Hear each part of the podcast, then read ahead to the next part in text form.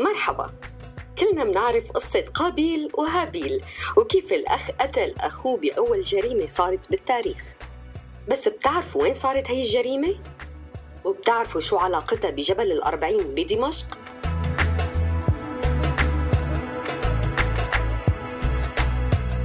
جبل الأربعين هو أعلى قمة لجبل قاسيون وفيه مغارة الدم أو مغارة الأربعين يلي بتقول الرواية إنه أول جريمة بالتاريخ صارت فيها. وهي جريمة قتل قابيل ابن آدم لأخوه هابيل بتتسمى مغارة الأربعين لأنه فيها أربعين محراب وبتتسمى مغارة الدم لأنه بزاويتها في فتحة كبيرة بتشبه التم. وفيها تفاصيل بتشبه اللسان والأسنان وسقف التم. وعلى الأرض قدام هي الزاوية يلي بتتسمى الشهقة. في صخرة عليها خط أحمر بيمثل لون الدم. بتقول الرواية إنه لما صارت جريمة قتل قابيل لأخوه هابيل فتح الجبل تمه وشهق من بشاعة الجريمة يلي صارت فيه. وملخص الرواية إنه النبي آدم كان عنده ولدين قابيل وهابيل. قدموا قرابين ليتقربوا فيها من الله.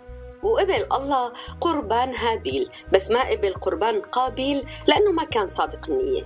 قام آبيل انغاظ من أخوه حقد عليه وقتله ولأنها أول جريمة بالتاريخ وأول وفاة.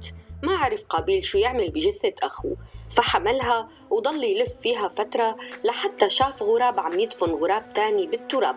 فتعلم منه ودفن أخوه بالتراب بسفح الجبل بمنطقة الزبداني.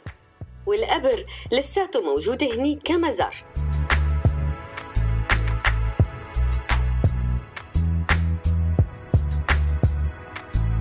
وبتقول الرواية كمان إنه الجبل شهق وبكي من حزنه على هابيل لأنه كان إنسان صالح.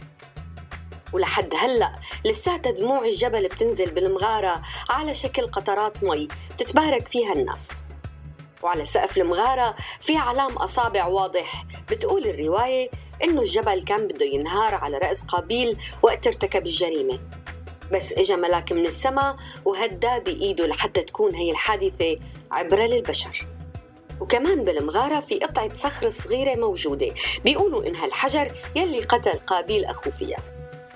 ومن الروايات اللي كمان بترتبط بمغارة الأربعين إنه لجأ لها أربعين نبي. وكانوا هربانين من ظلم ملك من الملوك. فانشق الجبل وفتح لهم الطريق ليهربوا من الطرف الثاني.